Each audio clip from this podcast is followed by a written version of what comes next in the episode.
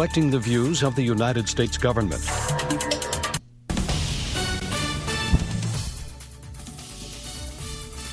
This is VOA News. I'm Richard Green. The U.S. Supreme Court has agreed to decide whether former President Donald Trump can be prosecuted on charges he interfered with the 2020 election. The court will hear arguments in April, with a decision likely no later than the end of June. The justice's order Wednesday maintains a hold on preparations for a trial focused on Trump's efforts to overturn his election loss. The timetable is much faster than usual, but assuming the justices deny Trump's immunity bid, it is not clear whether a trial can be scheduled and concluded prior to the November election. Trump's lawyers have sought to put off a trial until after the election. The funeral of Russian opposition leader Alexei Navalny, who died earlier this month, will take place on Friday. That's according to his spokesperson. AP correspondent Karen Chammas reports. The service will take place at a church in Moscow's southeast district after several locations declined to host the service. The burial is to be at a nearby cemetery. His spokesperson, Kira Yarmysh, said many venues refused to take the booking when they heard the name Navalny, with one place disclosing that funeral venues were forbidden to take the service on. Navalny died in mid-February in one of Russia's harshest penal facilities. Many Western leaders have already said they hold Russian President Vladimir Putin responsible for his death. I'm Karen Chammas. Ukrainian President Volodymyr Zelensky met on Wednesday with Serbia's president as well as the leaders of Bosnia and Moldova in Albania. Zelensky arrived overnight to join the summit of 11 countries from southeastern Europe, along with officials from the European Union and other international organizations. It was the latest stop in an international tour that saw him in Saudi Arabia on Tuesday to push for a peace plan and the return of prisoners of war from Russia. VOA's Flashpoint Ukraine podcast goes beyond the headlines to look at the most recent developments from the front lines of the Russia Ukraine war, as well as human stories from those affected. This is VOA News. Hamas on Wednesday called for Palestinians to march to Jerusalem's Al Aqsa Mosque at the start of Ramadan, raising the stakes in ongoing negotiations for a truce in Gaza. The call by Hamas's leader followed comments by U.S. President Joe Biden that an agreement could be reached between Israel and Hamas as soon as next week for a ceasefire during the Muslim fasting month expected to start this year on March 10th. Israel and Hamas, which both have delegations in Qatar this week, are hammering out details of a potential 40 day truce. They said there is still a big gulf between them, and the Qatari mediator says there is no breakthrough as of yet. The International Rescue Committee says delivering critical humanitarian supplies to Sudan through the Red Sea has become too dangerous due to attacks by U.S. designated terrorist Houthi rebels based in Yemen. Mohammed Youssef has the story from Nairobi. Getting humanitarian supplies to millions of Sudanese affected by the country's more than 10 months of conflict is getting expensive and risky due to the Yemen's rebel group's violent activities in the Red Sea.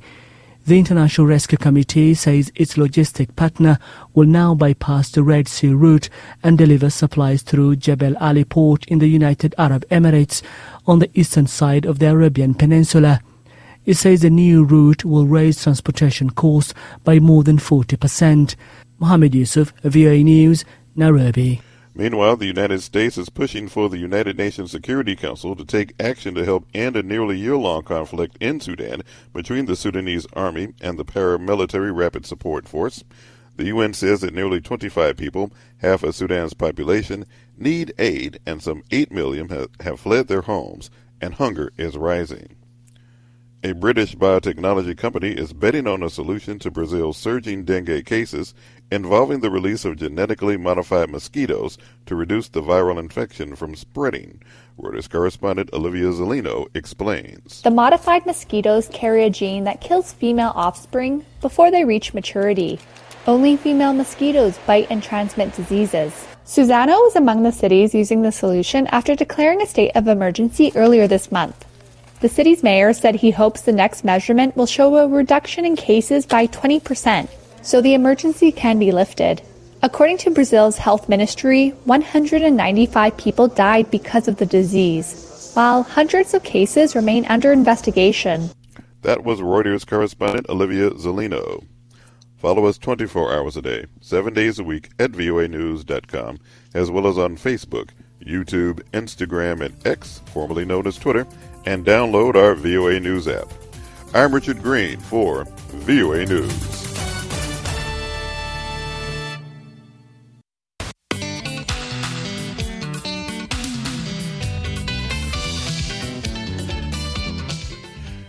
Morning, Africa. Welcome to Daybreak Africa from the Voice of America. I'm James Butty in Washington. Today is Thursday, February 29th, and here are some of the stories we are covering. The UN begins the first stage of withdrawing its troops from the eastern DRC.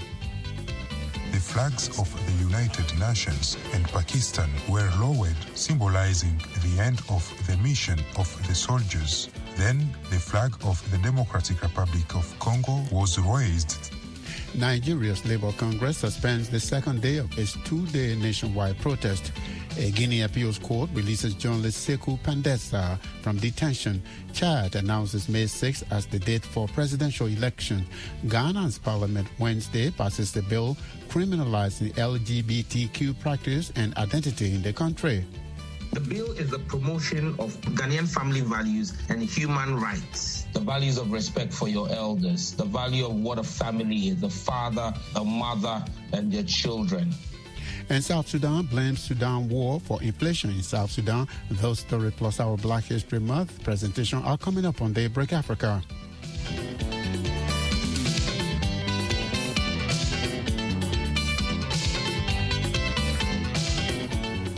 UN peacekeeping mission in the Democratic Republic of Congo, also known as MONUSCO, on Wednesday began the first stage of disengagement from the country. Reporter Zaneb Nete Zaide has details. During a ceremony here in Kamanyola, South Kivu, the flags of the United Nations and Pakistan were lowered, symbolizing the end of the mission of the soldiers. Then the flag of the Democratic Republic of Congo was raised, marking the handover to the DRC National Police. Police General Jean Bosco Galenga, Divisional Commissioner of Police, expressed his gratitude to the Pakistani contingent for their dedication and professionalism. He also promised to make effective use of the equipment MONUSCO leaves behind. He says he joins with the forces in command to continue to honor the memory of those who worked with dedication at the price of supreme sacrifice on Congolese soil. He says he assures the audience that the materials and equipment he receives will be used exclusively for the common good. Bintou Keita, the head of MONUSCO in the DRC, praised the contingent's hard work in Kamanyola. She said their presence has been essential in maintaining stability in a region often faced with complex challenges. She says for 19 years, the blue helmets of MONUSCO's Pakistani contingent have made the supreme sacrifice of protecting civilians in coordination with the defense and security forces. She says she would like to pay tribute to their dedication and thank them for the excellent service they have rendered to the population and to the United Nations. With the withdrawal of the Pakistani contingent, the Kamanyola base enters a new era. The National Police says it is committed to continuing the peacekeeping mission. Civil society member Asifiwe Balagizi says after the departure of MONUSCO, which had come to support the government, he thinks the security services will continue their mission to protect people and property. This ceremony marks a historical turning point for the Democratic Republic of Congo. Many civilians say they hope the transition will result in greater security and lasting prosperity for the Congolese people. For VOA Africa, I'm Mneti Netizaidi. The Parliament of Ghana on Wednesday passed a bill criminalizing same-sex relations in the country. According to the French news agency AFP, the new bill imposes a prison sentence of up to three years for anyone convicted of identifying as LGBTQ+. It also imposes a maximum five-year jail term for forming or funding LGBTQ+ groups. UN High Commissioner for Human Rights Volker Türk said the passage of the bill is profoundly disturbing and called for the bill not to become law. The U.S. State Department says the bill would undermine Ghana's valuable public health, media, and civil spaces and the economy. Honorable Sam George is a member of the opposition National Democratic Congress NDC party in Parliament and the sponsor of the bill. He tells me that the bill promotes Ghanaian family values and human rights. The bill is the promotion of Ghanaian family values and human rights. So that's what the bill I'm sponsoring is about. Family values. What about the values of those people who are LGBTQ people? Do they have the same values? Are they Ghanaian? If they are Ghanaians, yes. Then Ghanaian law applies to them. What sort of values are you talking about? Ghanaian family values are spelled out in our constitution, Article 35, 36, 37, 38, 39 of the Ghanaian 1990 constitution spell out what our family values are. The National House of Chiefs is the custodian of our customary values, and so those are all spelled out. So for Ghanaians, we know what our customary values are. The values of respect for your elders, the value of what a family is, the father, a mother, and their children. These are family values that we are brought up with and trained in. We've got our values properly indoctrinated into us as kids, and we're going to pass those on to our children as well. What do you say, uh, Honorable, to those who say that uh, this bill now will make uh, will create a situation where LGBTQ people will be like they'll be witch hunted? Well, you're talking to me from America on the Voice of America. What's the position of people who practice polygamy in the U.S.? Are you witch hunting them? Not really. So then that's you got the answer to your question. But we do not put polygamy people in jail. That's not correct. Check your facts properly. I guess what I'm trying to say, the, the bill proposes a jail term of 10 years. Isn't that too much? What is too much and what is too little? On what basis are you determining that something is too much or too little? In Ghana, we have what we call the Sentencing Act. If something is a misdemeanor, it spells out how long it should be. If something is a first degree felony, second degree felony, it spells all of that out. So uh, that's what I'm asking. What do you mean by too long? So, uh, Honorable, um, do you think uh, that President Nana Akufo-Addo might sign this bill? He holds power in trust for the Ghanaian people. As parliamentarians, we represent the Ghanaian people. The Ghanaian people unanimously in parliament through their representatives passed a law. The president only holds power in trust for us. His own whole responsibility is to sign it into law. If he fails to do that, the constitution gives us the power to bring it back to parliament, and two thirds of members of parliament will pass it into law without the president. Honorable, I do appreciate very much, and thank you so much. You're welcome, James. Honorable Sam George is a member of the opposition National Democratic Congress, the NDC party in parliament, and the leader and the lead sponsor of the Ghana LGBTQ bill. He was speaking with us from the Ghanaian capital, Accra. The Nigeria Labour Congress has suspended the second day of its two day nationwide protest called for Tuesday and Wednesday. The protest was intended to force the government to act on the high cost of living, general insecurity, and the devaluation of the Naira. Benson Upah is the head of information and public affairs at the Nigeria Labour Congress. He tells me the first day of the protest was an overwhelming success and that the ultimatum for the government to implement certain demands remains in place. We decided that today, instead of doing a road show, we were going to do a show within the confines of our facilities across the country. So we held press conferences on the same issues across the 36 states and FCT, that's the Federal Capital Territory here in Abuja, to one, make our observations known about our experience in the course of our road show yesterday, the behavior of the agents of the state, and our expectations from the government. So you said that you have achieved overwhelming success. Uh, what did you achieve uh, from Tuesday's strike? First, we came out in our numbers in spite of the opposition from the government, from the security agencies, say we should not do it. We told them our right to hold these rallies remains enshrined in our constitution, national constitution. Second, we were able to express our feelings, state our demands to the appropriate authorities, and we got reassurances that these demands were genuine and will be expeditiously met henceforth. President uh, Bola Tinubu has taken some action, at least to meet your some of your demands. Are you pleased with what the president has done so far? Well, in my place, they say a half loaf of bread is better than none. But how we wish he should do more because he has the capacity to do more within the space given to him. I forgot to mention this to you that we have given another time frame within which we expect him to act positively. At the end of that timeline that we have given, we would reconvene and take a decision on the next line of action. This time, I do not want to preempt anything, though it's not likely to be a protest. There are some, I think, some in the uh, parliament who are suggesting the president should hand, I think, cash to citizens. Did you hear that? And would that be okay? Yeah, those are handouts. I mean, what the Americans call the dole, that could help, but that is only for a limited time. We would want decisions that stimulate production that are capable of bringing down the current inflational spiral and to also moderate this insane exchange rate.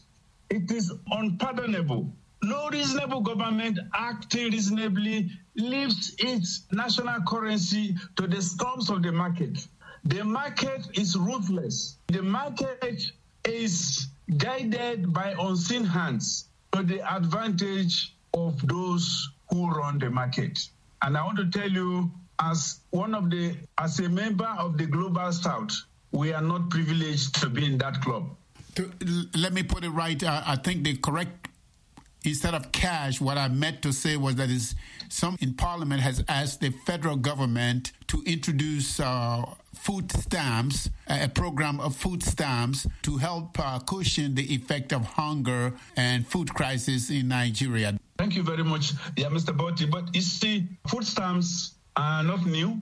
I'm sure the more advanced countries have used food stamps in time past. Using them here in, in the country, if properly implemented, will go a long way in moderating the hunger in the land for a limited time. It's the reason why we said there should be a multi pronged approach immediate, medium, and long term. That way, if they're properly coordinated, uh, we're going to have synergy and we'll move in a seeded speed to recovery.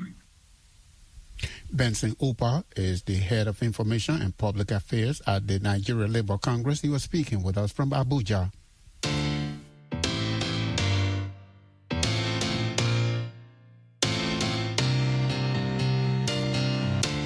You're listening to Daybreak Africa on the Voice of America. I'm James Butty in Washington. Today is Thursday, February 29th.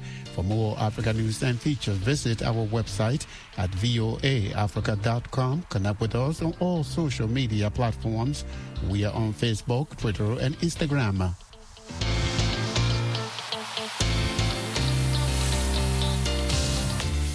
An appeals court in Guinea on Wednesday released journalist Sekou Pandessa, the Secretary General of the Private Press Association of Guinea.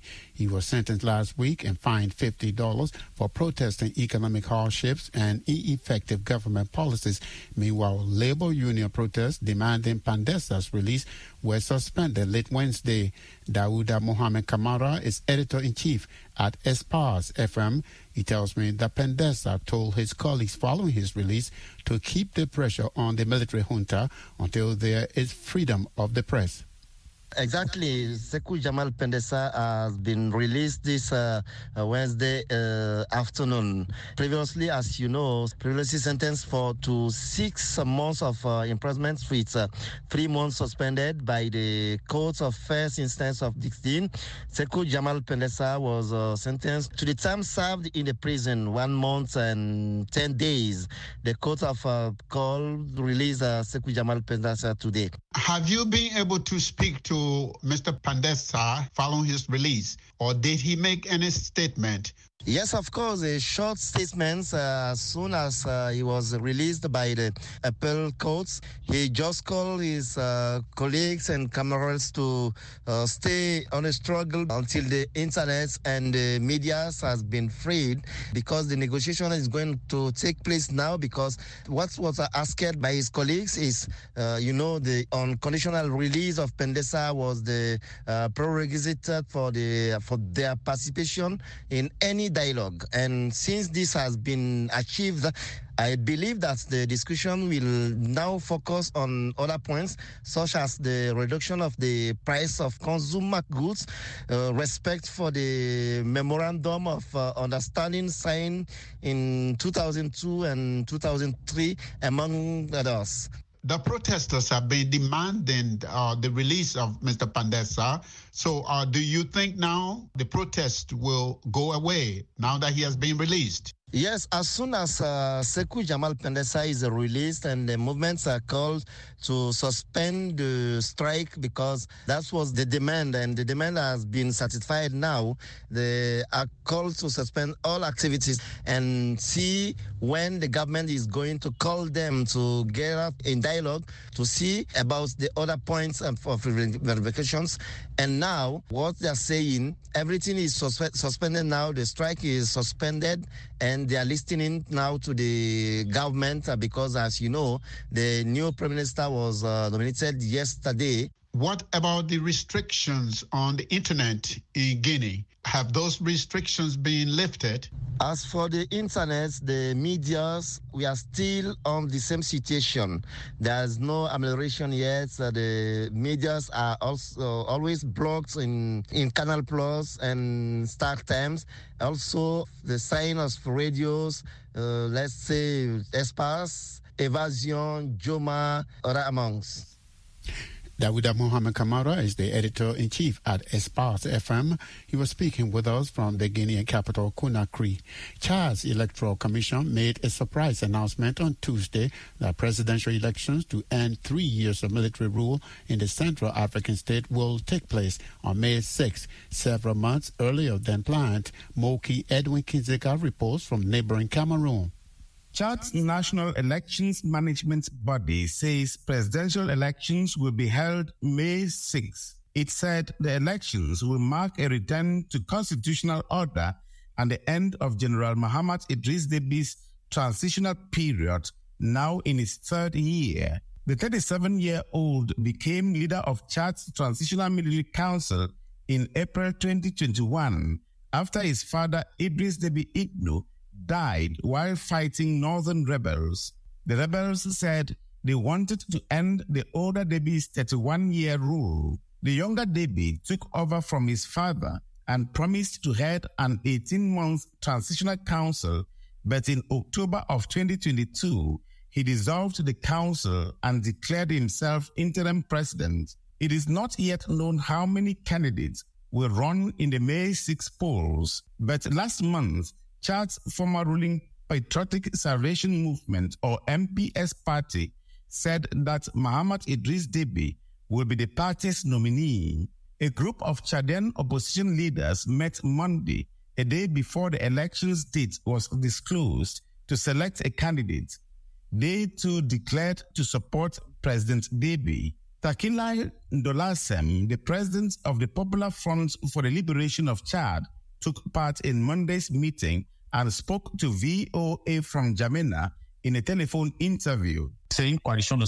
Ndolasem says 127 opposition leaders who attended Monday's meeting in Jamena decided to convene another meeting Friday because many other opposition leaders have indicated that they want to join the coalition that supports Deby as a presidential candidate. He says Deby has maintained the peace in Chad by disarming rebel groups and providing basic needs, including water, education, food, and sources of livelihoods to millions of suffering civilians in a majority of Chad's towns and villages. Not all opposition leaders are supporting Deby. Gilbert Ratubaka, the president of the Opposition Artisans for a New Chad, or ARNT, has also declared that he will run in the May 6 elections. Baka said he is surprised that the elections body scheduled the polls for May 6 when Deby had said earlier they would be in October, shortly before the mandate of the transitional government ends on October 10.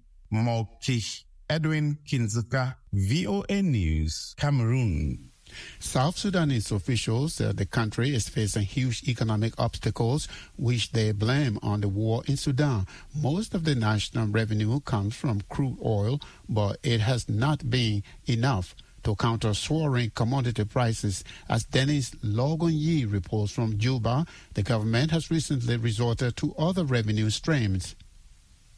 Minister of Information and Telecommunications Michael Makuei says the government is unable to execute the 2023-2024 fiscal year budget due to problems with selling the country's oil, which include the fighting in Sudan. The war in the sisterly neighbor, the Sudan, has greatly impacted on the economic situation in South Sudan, which relies mainly on oil production. The oil wells that were waterlogged by heavy floods over the past rainy seasons are still unrecovered and the oil sector has not been able to increase production. Now the pipeline taking our crude to Port Sudan has experienced gelling process in numbers 1 and 5 stations, making it difficult for the crude oil to reach export market, that is to reach Port Sudan. Even if the crude were to reach Port Sudan, it would still not be possible to ship it for sale due to the threat of blockade of shipping in the Red Sea. Makuei acknowledges that the sky skyrocketing prices of goods has caused a lot of suffering for South Sudanese, but says the government is working to turn around the economy. Makuei says these moves will enable the government to meet its obligations, including paying the salaries of civil servants who have not been paid in months. The financial crisis causing extreme suffering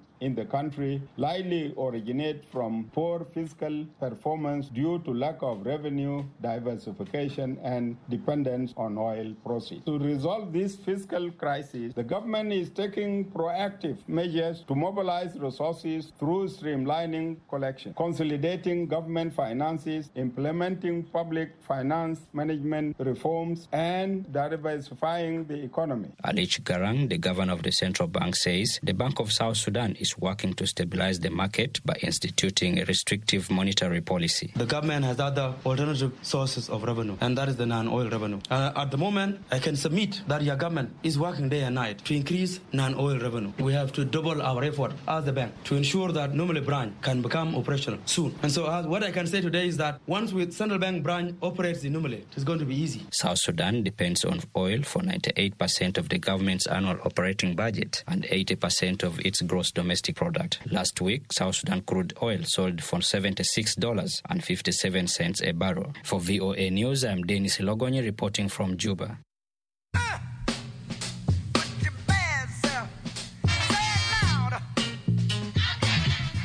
It is time now for our Black History Month and African History presentation for today, February 29th.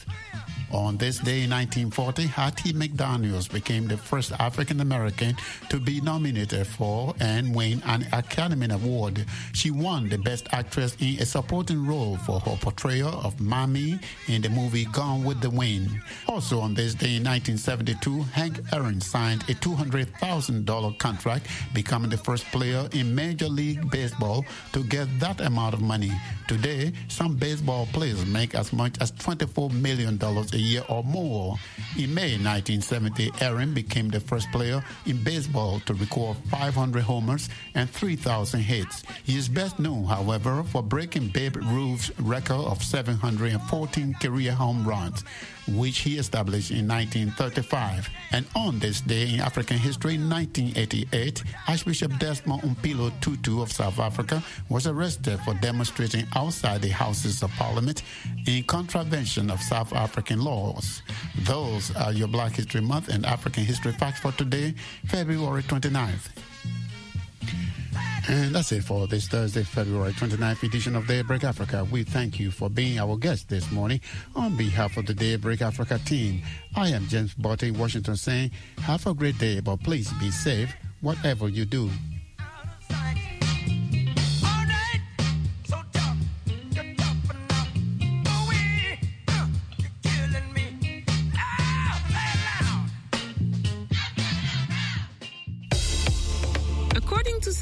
To be truly healthy requires taking care of your physical, mental, spiritual, and social needs.